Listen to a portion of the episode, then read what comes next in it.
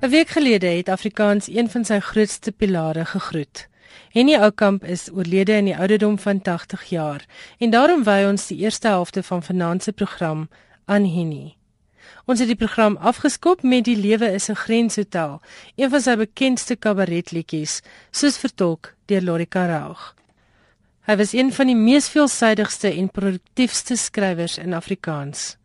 Sy oeuvre sluit kabarette en liedjies in, dagboeke, briewebundels, kortverhale en natuurlik digbundels.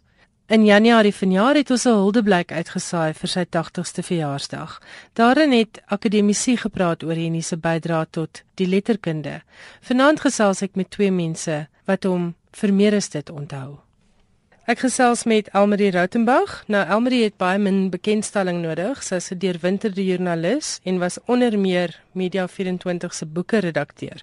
Nou Elmarie, jy het 'n besonderse pad met hierdie ou kamp gestap van kindsbeen af. Vertel vir ons daarvan. My pa was uitgewer. Hy was hoof van Tafelberg Uitgewers daar in van die kerk vir baie jare en ek het ek het daarom vir hierdie ou kamp nie net as skrywer leer ken nie, maar as as 'n redelike gereelde kuiergas aan ons huis. En ek onthou net hoe as kind ons al aan sy lippe kon hang. Maar ek self natuurlik 'n uh, eh, ek wou altyd aktrise word toe ek klein was, so ek het verskriklik meegeleef met my kokverhale.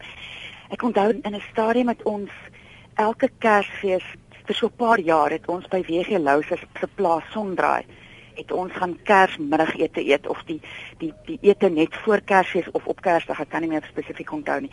En ek onthou net sulke absolute loom warm vakansiedag. Almal was ouer as ek. WG Lou se kinders was heel wat ouer as ons.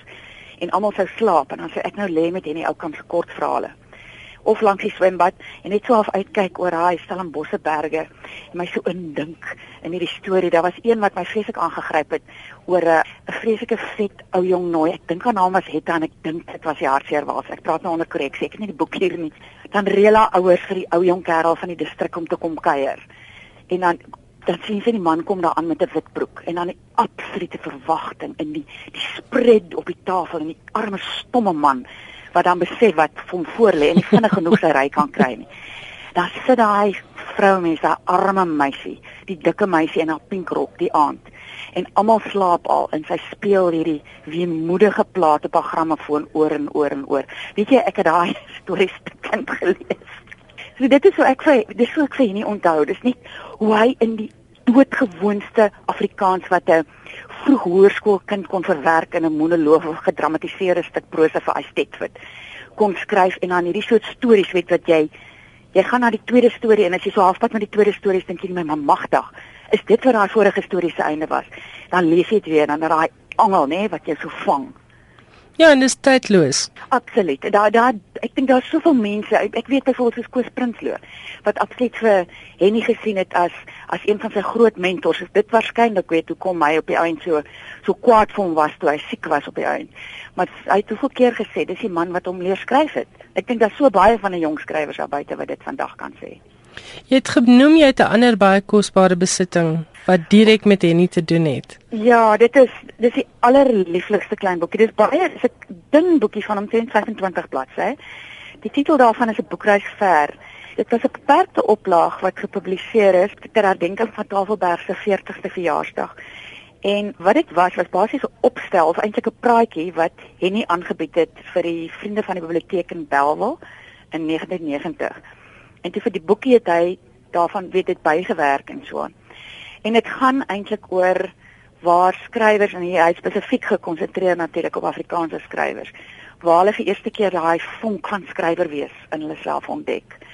En gepas het die het die boeke 'n skillery van Frans Ouder op die voorblad meisie wat lees. En hy het dit vir my geteken ook. Maar hy hy skryf byvoorbeeld daarso van Alba Bouwer byvoorbeeld en hoe Ali van kinders van Bergplaas en Rivierplaas hoe Ali kon luister as haar ouma 'n storie vertel. En elke keer weet haar ouma die rede val en amper amper vooruitloop weet met die storie want sy wil elke woord hoor. En hoe verskriklik bang Laipold was toe hy die eerste keer in sy pa 'n dokter was se boeke 'n verskriklike mediese prentjie gesien het. En dan hy self hoe hy hy sê hy was 5 jaar oud en hy was in die Dordrechtse hospitaaltjie, daar was 'n splint in sy been en blykbaar het bloedvergieting ingetree. Ag, bloedvergiftiging. bloedvergiftiging ingetree. En daar's gevrees vir koue vuur. En amputasie was eintlik 'n weet 'n feitelike uitgemaakte saak en hy sê hy het dit nou nie self geweet nie want hy was baie klein, maar sy hy moes daai verskriklike spanning van sy ouers en sy familie en vriende aangevoel het en natuurlik die ontsettende pyn. En hy sê hy weet nie of dit was nie, maar hoekom hy so opgegaan het in andersins se storie oor die klein meerminnetjie. En hy skryf daar tot vandag agtervolg die reëls my. Elke tree wat sy neem was asof sy op spitsprime en skerp messe trap. Ooh, ek moet sê dit was my 'n uh, lieflike lieflike klein boek. Die ding is al snuif gelees. Wat sal jou bybly van in die ou kamp? Ek onthou nou sy latere jare. Hoe weet hy mos nie bestuur nie. Maar hoe hy by omtrent elke boekbekendstalling was, het sy met 'n lift, het sy iemand gekry, maar hy was daar.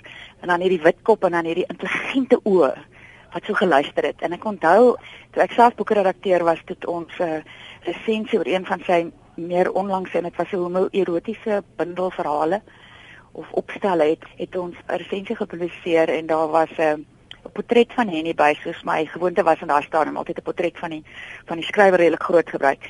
En dit is 'n vreeslike mooi portret met hierdie baie soort van treffende skilderye in die agtergrond van 'n jong seun.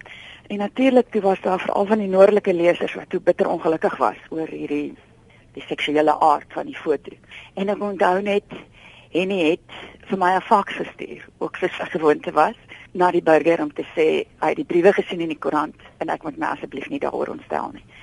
En dit was my komende vir hom, ek bedoel ek is maar net een van duisende verslaggewers daar buite. Was dit vir my nog 'n riem onder die hart. Ek sal dit nog wel onthou. En ek dink as jy kyk na Facebook ook hoe baie mense gesê het, "Jesus, like weet, hy was so 'n pa vir ons, hy was so 'n vader van die woord as ek so kan sê." van kabaret tot gedigte tot kortverhale. En dis hoe ek hom sal onthou. En so gesels die bekende joernalis Elmarie Rautenbach. Ons luister nou na een van die laaste gesprekke wat RSG opgeneem het met Henny Oukamp. Dit is op 28 November verlede jaar opgeneem deur Johan Rademan. Hy het met Oukamp gesels oor sy kabaret Vuur gevang in glas wat as deel van die RSG Kunstefees uitgesaai is. 20 Januarie 2014 dan breek die 80ste verjaarsdag aan vir Henny Oukamp. Nou in 1980 was ek baie bevoorreg as 'n eerstejaar studentjie op Stellenbosch, 'n drama student om in die eerste vollengte Afrikaanse produksie op die planke met permissie gesê te speel uit die pen van en die ou kamp met wie ek nou gesels en dit is RSG se op die lig kunstefees die eerste vir 'n radio ter wêreld en vanaand word en die ou kamp vereer vir sy bydrae en ook laat ek sê die kreatiewe stimulus wat hy gebied het aan sangers soos Amanda Strydom wat dit regstreeks tussen 8 en 9 vanaand gaan opvoer. En dis so 'n baie groot voorreg om jou hier by ons te hê en dit moet goeie herinneringe vir jou opdiep. Hierdie herdenkingsprogram, maar sal ons sê huldigingsprogram aan van jou werk in 'n vuur gevang in glas. Ag baie dankie Johan. Ja, ek moet sê ons was self baie dwaas geweest. Is ons nie geweet dat soveel dwaasheid wel tot groter dinge gaan lei nie. Uh, as ek nou weer moet aanpak met die wat ons geweet het, dan word ek skoon koud. Ja, maar almal was geesdriftig en almal wou hierdie nuwe uh, medium ondersoek en beproef en dit het ook redelik goed gegaan want daar was wonderlike studente. Jy was daar. Casper de Vries was daar. As jy begin opnoem almal name wat later klinkende name geword het, uh, nie by die SAIK nie, maar in die toneelwese sou ek sê. Ja, en ook um, die sangers wat in die musiek en liriekbeweging besonder aandag gegee het aan jou lirieke, selfs uit soos ek sê kabarette en so meer. Ehm um, daardie era en die tyd waarin jy geskryf het, het die een dink jy die ander geïnspireer? Ek dink ons moet hier spesifiek noem Berwede van der Merwe en Rosa Kit. Rosa is nog met ons. Niemand weet waar Merwede is nie en almal sou so graag wou weet waar sy is. Maar hulle het 'n wonderlike geleentheid geskep met twee groot simposiums oor musiek en liriek. Die een is in Johannesburg gehou en die ander een is hier in Stellenbosch gehou. En dit was 'n reuse sukses en baie invloed gehad baie invloed en daar was soveel vonk gewees. Het jy gedink dat jou lirieke kom ons sê 'n tipe van kommersiële impak ook gaan hê en ek verwys nou na sangers soos Koenie de Villiers, mense soos Amanda Strydom, Lorika Raug, van daardie mense wat jou verse geneem het, jou lirieke geneem het en dit op hulle CD's destyds vrygestel het en selfs op plaat verniel, né? Ek dink hulle het ook maar gewaag, hoor, en hulle het baie met my saam gepraat vooraf. Uh, ja, Die jongste is natuurlik Neil Rademan wat verlangs familie van jou is wat verbasend ontwikkel het oor die afgelope 2 jaar. Ek verwag baie van hom. Jou liefde vir kabaret. Vertel vir ons daarvan en waar dit ontstaan het en watter kabaret spesifiek uit watter wêrelddeel na in jou hart lê. Ja, weet jy dit is 'n vreemde ding. Kabaret het begin in my geval by Dr. Konde Verlee en dan was daar Dr. Erika Tron en Fritz Stegman. Maar eintlik was Dr. Kon die persoon wat met sy at homes sondagmiddag altyd so 'n paar mense met 'n knipoog bedui het bly bietjie agter na die tyd en dan het hy vir ons kabaret gespeel en toe sê ek weet hoekom jy so daarvan hou? Dit is so eroties.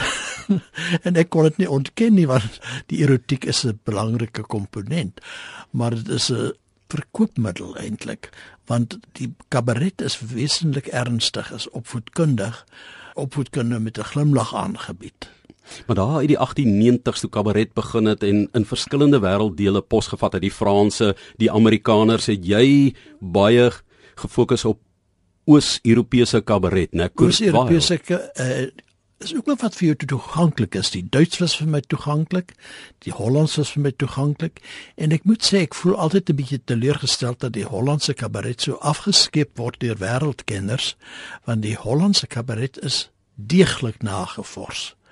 Uh, ek dink nie daar is nog 'n land wat soveel navorsing gedoen het en op in boekvorm laat uitkom het nie as jy's Holland nie. Nou as 'n mens gaan kyk na die style van kabaret en waar kabaret begin het en waar dit vandag staan, is dit 'n kwynende vorm van kuns?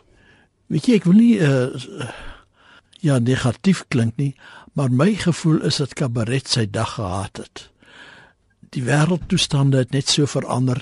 Dit kan net nie meer deug soos vroeër nie. In Suid-Afrika kan jy nie meer kabaret beoefen nie. Wie is hulle? Wie is ons? Jy sal daai vraag moet beantwoord en dan uh, beland jy op jou rug. Ja, ek weet nie en, en ook oor see is dit 'n kwessie van geld. Ek hoor dat Lisbeth List byvoorbeeld 'n groot saal opgetree het voor ek weet nie hoeveel mense en almal juig asof dit iets wonderliks is. Maar die wesenlike van die kabaret so sy dit beoefen het is daarmee heen.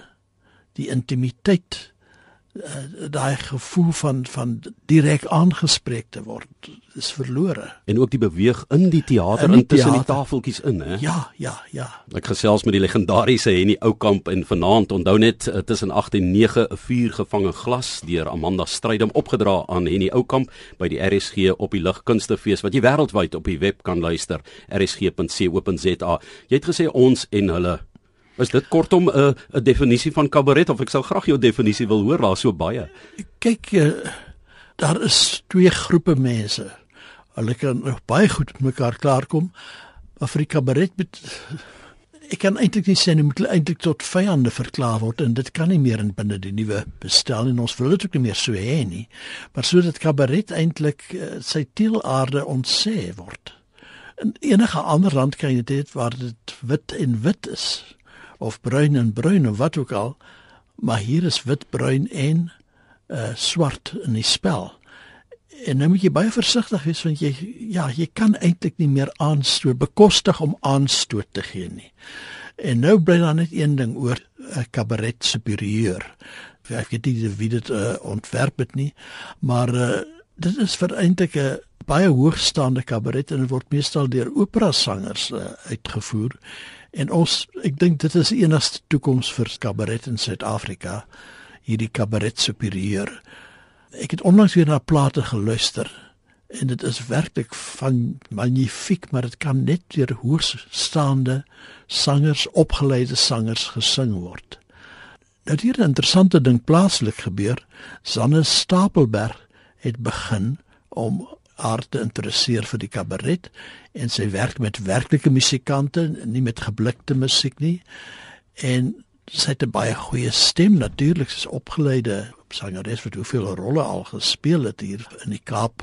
Sy is ook elders in die land bekend. Dit is nog aan die begin, maar ek het baie groot verwagtinge van. Ek het haar in die boer sien optree uh, op 'n Sondagmiddag en dit was werklik vir my 'n openbaring. Miskien lê die oplossing nie na afskryf nie, maar nog na opskryf. En ja, dit dit sou 'n toekoms vir kabaret kon beteken. Want dit gebeur, dit gebeur letterlik en sy kies haar mense ook baie goed, sy het Willem uh, de Vries byvoorbeeld nader gehaal en Willem het skielik ont ja, ontwikkel in 'n in 'n kabaretskrywer, hoogstaande kabaretskrywer. Hy self verbaas dat dit alles so vinnig gebeur met hom. Mens sal nog later van die werk hier sien en hoor. Jy praat hom nou van siklusse, dis nou Abraham de Vries se seun, hè? Abraham se ja. seun. En jy en Abraham kortkuns meesters. Ag, dis wonderlik hoe die tyd ja, speel, né? Hoe die tyd speel, dit is baie vreemd. Maar met permissie gesê, nie? In 1980 eh, was daar 'n gelade atmosfeer in Suid-Afrika in spesifiek kom ons sê die ja. wit gemeenskap wat aangespreek is dit was die jare van uh, de kat jy weet dit was woes ja. geweest het die skrywer dan ook die MC in die kabaret kon gebruik om ook 'n paar dinge te sê wat vir jou dalk agter tralies kon laat beland het en die teater as forum te kon gebruik. Daar was ek gespreek maar was daar nooit ernstig nie. Maar ek weet ek het baie gestry ek wou nie uh, my volgende kabaret met permissie gesê laat opvoer as ek nie 'n gemengde spelers kan hê nie. En ons het 'n swart en 'n bruin en ja, dergelike sodat al die probleme werklik word. Anders word dit bly dit abstraksies. Dit gaan om die mens, om daardie mens superieure kabareteur. Dit is in die ou kamp omdat uh, ons wil aansluit by daardie tradisie van kabaret uh, superieur en dit voortsit op RSG vanaand in 'n vuur gevange in glas. Dit was heerlik om met jou te praat en in van my kant af dankie vir jou bydrae tot die letterkunde en die kabaret en die belangstelling. Dit bly een van my gunstlinge al sê jy dis kwynend. Ek gaan nog na ou plaaie luister van kabaret. Nee maar en vir Amanda wil ek net baie baie spesifiek dankie sê vir hierdie pragtige gebaar. Dit was die stem van Henny Oukamp. Johan Rademan het met hom gesels. Ek gesels nou met die sangeres Amanda Strydom wat 'n baie besonderse vriendskap met Henny gehad het. Ek wou by haar weet waar dit alles begin het. Ons het in 1979 ontmoet. Toe was dit aan die opleef in in 79. Hierdie fantastiese beweging wat hulle die musiek en liriek beweging genoem het. Ek was geweldig beïndruk oor die mooi manier waarop hy gepraat het Hy het so 'n suiwer Afrikaans gepraat en woorde gebruik wat ek baie min hoor sonder om hoogdrawend of pretensieus te wees. En hy was 'n ware charmante gentleman. Daai ou wêreldse tipe gentleman. En toe het ek ook 'n paar liedjies uh, moes sing en um, hy was geweldig beïndruk en dit was seker net 'n jaar later toe Rosa Keet en Merwede van der Merwe my nader om in Henny se literêre kabaret met permissie gesê op te tree. En dit was 'n happening op die toneelgebied, op die kabaretgebied. Dit was die eerste groot Afrikaanse kabaret ooit wat, so opslag gemaak het en wat by die Markteater aangebied is. En in daardie dae was dit uh, nie eintlik uh, aanvaar of baie min dat daar 'n veelrassige geselskap uh, optree. En dit die, in ons geselskap was veelrassig. Dit was Sam Ray en Bill Curry en dan was Lorika uh, Rauch Clarabel van Niekerk Rina Ninaber en ek Gerben Kamper en oorlede Kobus Kleinhans ook daarin. En die kabaret was so suksesvol dat hy maande lank verleng is. Ek dink die waarde en die plofkrag van daardie kabaret waar hy nie so skerp was wat kabaret betref. Ons land was op daai stadium was daar 'n oorlog op ons grense. Daar was sensuur wat hoogtyd gevier het en dit was apartheid. En hy het al hierdie kwessies aangespreek en met permissie gesê. Maar op so 'n gesofistikeerde manier. En nie het kabaret beskaafde protes genoem al was dit ook hoe dekadent en ons was dekadent met ons visnetkouse en ons kortbroeke en ons stewels en ons het geken kan op 'n lied wat gegaan het teen sensuur en dit was 'n uh, 'n weghol sukses en daardie vriendskap wat ons begin het in 1979 het getrou bly staan omdat hy nie altyd aan my gekarring het dat ek meer moet skryf en meer moet skryf. En Ek het altyd gedink ek is nie bevoeg om so slim te skryf want ek weet Henny het gekom uit 'n geweldige akademiese agtergrond en is omring met literêre genieë en hy keer op keer vir my gepreek daaroor en gesê dat die uitvoerende kunstenaar is vir hom die toonbeeld van krag wat skepingswerk betref. Dit is die mens wat kan vertolk, wat die woord ken, wat deernis het met die woord. Dit is vir hom belangrik. Ag en so het ons vriendskap deur die jare ontwikkel. Elke liedteks wat ek geskryf het vir elke album van my, het ek vir hom gefaks. Want meester het nie geglo in die internet of in sulke goede jy moes vir hom faks. Soos dit ek vandag nog met sy verbleikte fakse en die stapels briewe wat ek nou lees en die raad wat hy gegee het, die insig wat hy gehad het in die pad wat ek loop, is verstommend en vandag nog steeds so van toepassing op my lewe. Ek kan daaraan vashou so 'n kosbare klein noot. En hy het altyd raad gegee wat opbouend was nooit soos 'n streng onderwyser met 'n rooi pen deur goed gekrap nie, maar met entoesiasme, met wysheid het hy vir my gesê dink aan daai woord in plaas van daai woord. En hy was meester van die kere reg. Wat kabaret betref, dink ek nie daar is enige iemand in in ons land wat hom dit kon nadoen nie. Alhoewel hy altyd gehoop het iemand gaan nog Hy het gehoop dis ek, maar ek dink nog steeds ek is te dom. Want hy het so fyn fyn manier met woorde gehad. Van die wreedste tot die dekadentste het hy in 'n fluweel handskoen vir jou aangebied en jy het eers na die tyd besef, hemel, dis seer wat hy nou net gesê of gedoen het. Sy deernis met randfigure, met die mense wat in armoede leef, met die mense wat daar in die park, oorkant sy woonstel was 'n park of langs sy woonstel. Hy kon baie maklik van die balkon af afkyk en luister na wat die mense praat, jy weet, die bergies en die mense wat daar in Eld was. En daar het hy ek geweet dat hy soveel deernis het vir die gebrokenes. En ehm um, daar in sulke karakters sit hy in sy kabarette. En en hy skryf so mooi oor hulle dat jou hart wil breek al het jy jou sopas doodgelag omdat hulle so snaaks is mm. en so vulgêr is en dan skielik kom hy met die dolk. En jy besef hier is net 'n weerlose mens, net 'n weerlose skepsel. En dis die mens vir wie hy omgegee het en wat hy gedoen het natuurlik vir die gay literatuur is van onskatbare waarde. Hy het dit begin doen in 'n tyd wat dit, dit nie eintlik in Suid-Afrika uh, gedoen is nie. Hy het dit by die naam genoem.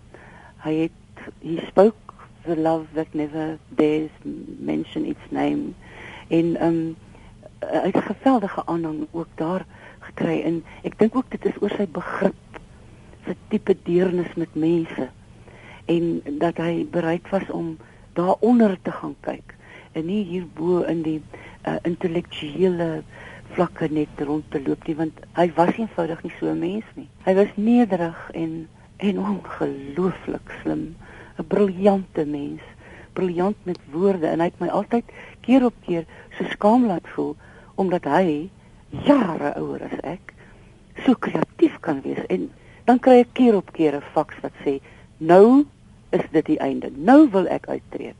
Want regtig, jy weet dit is nou tyd om 'n bietjie agteroor te sit en so aan. En dan kry ek weer 'n faks van hom. Jy kry binnekort van NB of van watter um, publikasie of nog 'n boek in die poskantoor dit is gister gepos. En so het ek vele geskenke uit daai Kloofstraat poskantoor ontvang wat my elke keer verryk het as 'n mens want hy het goed vir my gestuur wat my moes help, wat my moes lei. So het ek bekend geraak met ou Berlyn en uh, geskrifte oor die kabaret, uh, musiek van Gisela May, Zara Leander, Ute Lemper wat hierdie mense probeer nadoen het as ook boeke en en geskrifte van waar het kabaret werklik ontstaan? Wat moet dit doen en wat moet dit nie doen nie? Want hy dikwels vir my gesê en ek het dit ook geglo om te staan en liedjies sing en iets te praat tussenin is nie kabaret nie. Daarom Elsje noem ek ook nie wat ek doen kabaret nie die ware en enigste kabaret wat ek doen was met permissie gesê en die samestelling uit sy werke, kwatryne en liedtekste 'n vuur gevang in glas. Dit is kabaret. Henny sal vir my altyd, altyd meester bly. Hy sal my ander pa wees, altyd. Hy is die een wat vir my die kosbaarheid van ou waardes so diep ingeprent het soos my eie pa dit doen. En sy, sy omgang met woorde in Afrikaans die suiwerheid daarvan. Daar's bitter min mense wat meer so praat en en die skatkis wat hy vir ons gelos het in sy boeke, kwatryne, sy kortverhale. Hy was 'n absolute meester daarvan, 'n reus in ons letterkunde en dat dit my beskore was om hom so goed te kon leer ken. Is, iets wat ek vir ewig dankbaar voor sal wees. So onthou Amanda Strydom haar meester. Ons luister nou na net so 'n stemgreep van Henny Oukamp. Dis beskikbaar gestel deur kollega Margo Luit en hierin praat Henny oor vriendskappe met ander skrywers. Ag ek wil nie dogmaties hier wees nie, maar ek dink skrywers onder mekaar kan partykeer 'n vreeslike saai klomp wees. Hulle klou so aan hulle eie identiteit. Hulle is so bang om 'n mooi storie oor te vertel want iemand anders gaan dit opraap. Hulle is so bang om 'n mooi beeld kwyt te raak. Hulle ek dink die skrywers uh, in 'n groep is natuurlike vriende nie. Hulle moet partykeer by mekaar kom hulle om hulle gemeenskaplike of praktiese belange te beskerm. Maar ek dink hulle is baie spontaan uh, onder mekaar nie. Ek het baie skrywervriende wil ek dadelik sê, maar dit is mense van wie ek verskriklik as mens hou. Oh, en skryf is amper so 'n toevallige raakpunt tussen ons. Ek dink skrywers moet baie met uh, mense buite hulle vak meng. En nie net met kunstenaars en so meer nie. Uh, hulle moet met, met alle mense in aanraking kom. Uh, must never lose the the the common touch. Dit was die stem van Wile Henny Oukamp en hy het gesels oor skrywerskap en skrywersvriendskappe. Baie dankie aan Margo Luit wat vir my daardie stemgreepie beskikbaar gestel het. Nou gesels Corina van der Spool met Sandra Simon oor 'n nuwe boek oor Breiten Breitenberg. Ek gesels met Sandra Simon. Sy is 'n dosent in Suid-Afrikaanse kultuurstudies en letterkunde by die Universiteit van Reunion. Sandra is in die ateljee saam met my want sy het 'n boek pas geskryf met die naam Breiten Breitenbach, a monologue in two voices. Wat hierdie boek baie interessant en baie besonder maak, is dat dit essays is oor Breiten se werk, dit interpreteer sy werk, maar in hierdie geval nie net sy skryfwerk nie. Breiten is 'n digter, is 'n skrywer, is 'n dramaturg, is 'n skilder En dit is wat hierdie boek besonder maak met fantastiese illustrasiewerk binne-in is dat sy ook 'n interpretasie maak van sy tekeninge en van sy doeke. Wat is jou idee met hierdie boek? Waarom 'n monologue in two voices?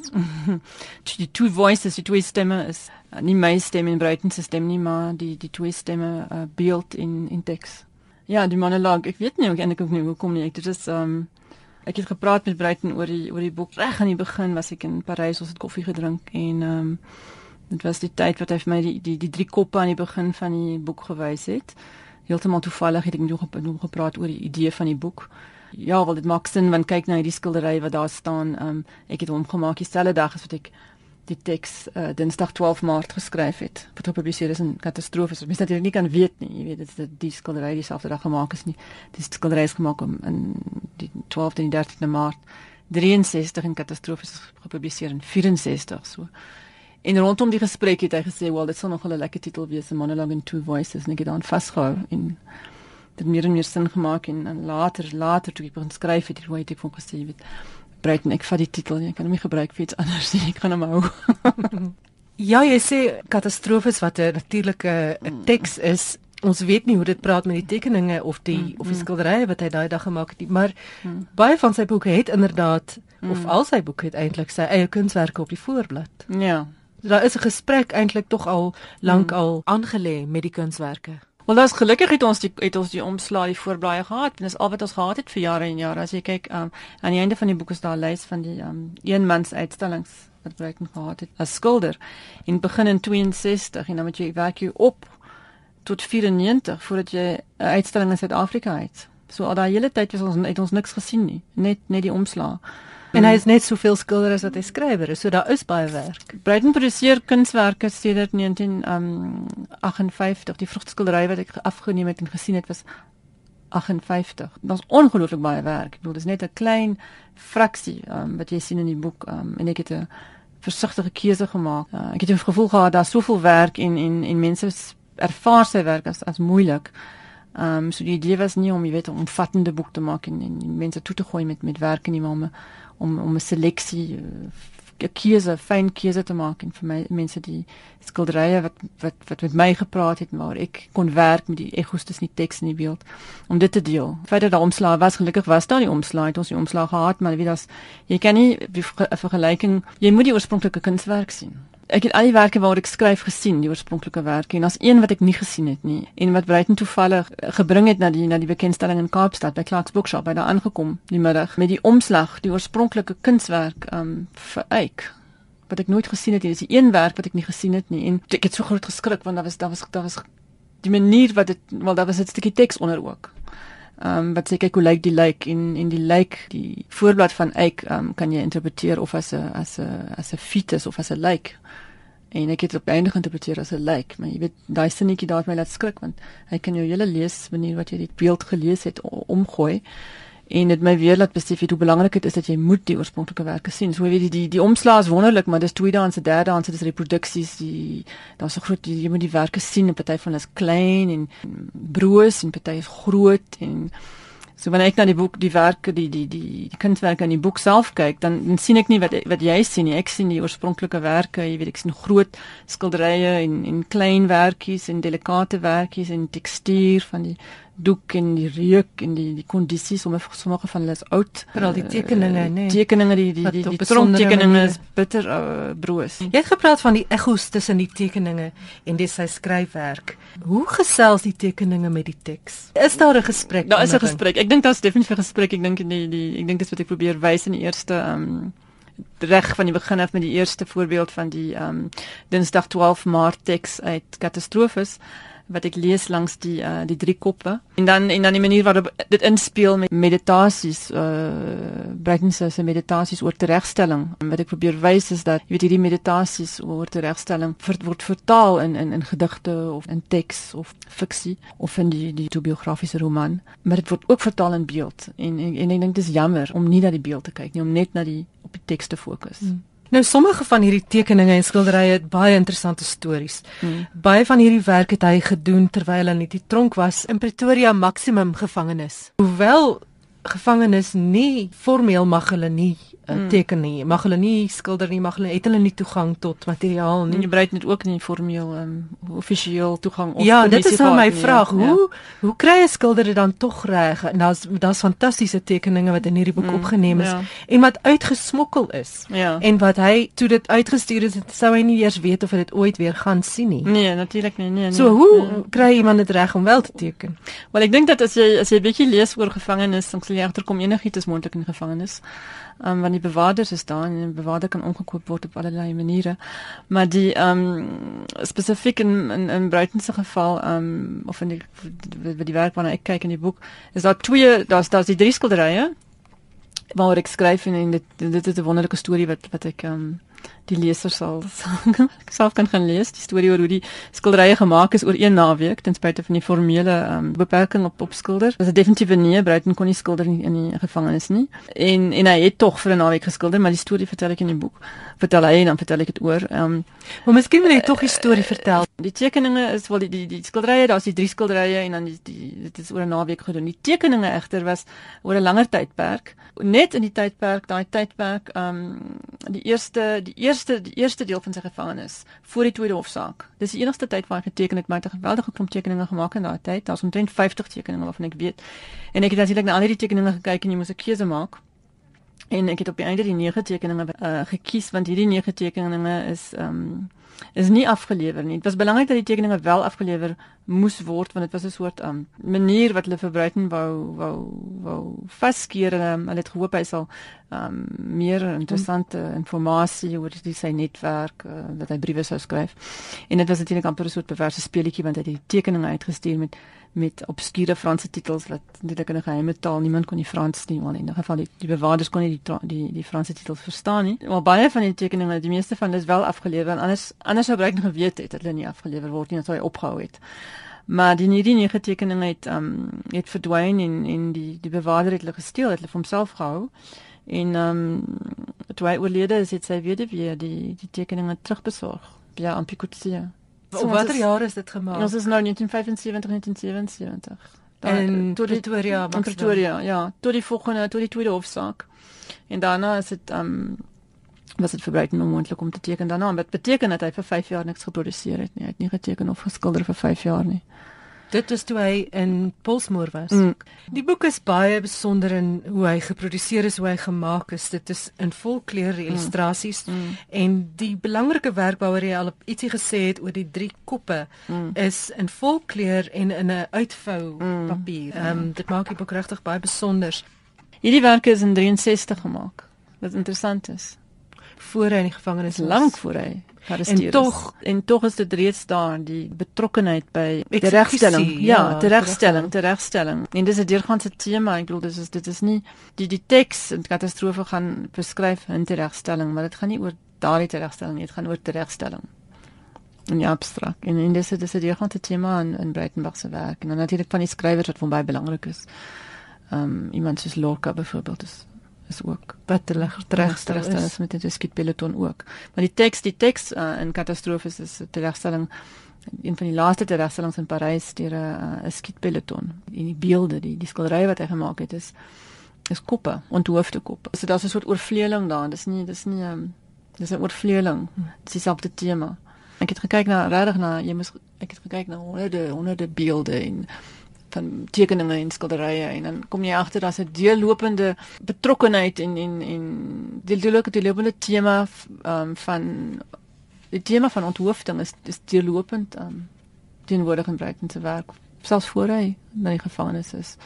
Ja, dis dis interessant, want dikwels is sy eie selfportrette ook onthoof. So dis dis dis ook interessant die manier wat dit inspel op die wat dit inspel op die op die gedigte. En as jy natuurlik die, die werke waarna ek kyk, ehm um, die die twee beelde van um, Steve Biko. Die een is in kleur en die een is die een is 'n skildery en een is 'n tekening en die een se titel is Steve Biko en die ander een se titel is Autoportret, selfportret. So daar's ook die um, ja. identifikasie met die met die tereggestelde en met die tereggestelde die, die onskuldige tereggestelde. Deur gaan van die begin af. Miskien moet ek die die, die aanhaling van John Coetzee lees.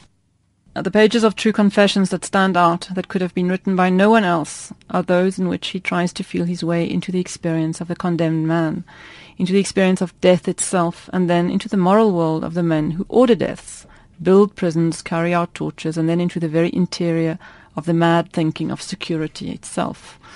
Then take with words and images, Breitenbach challenges what Coetzee refers to as the mad thinking of security and the horror of the deaths it orchestrates. And Julia Kristeva, Julia Kristeva takes this idea one step further when she writes that there is a beyond order in French of death, says artistic experience.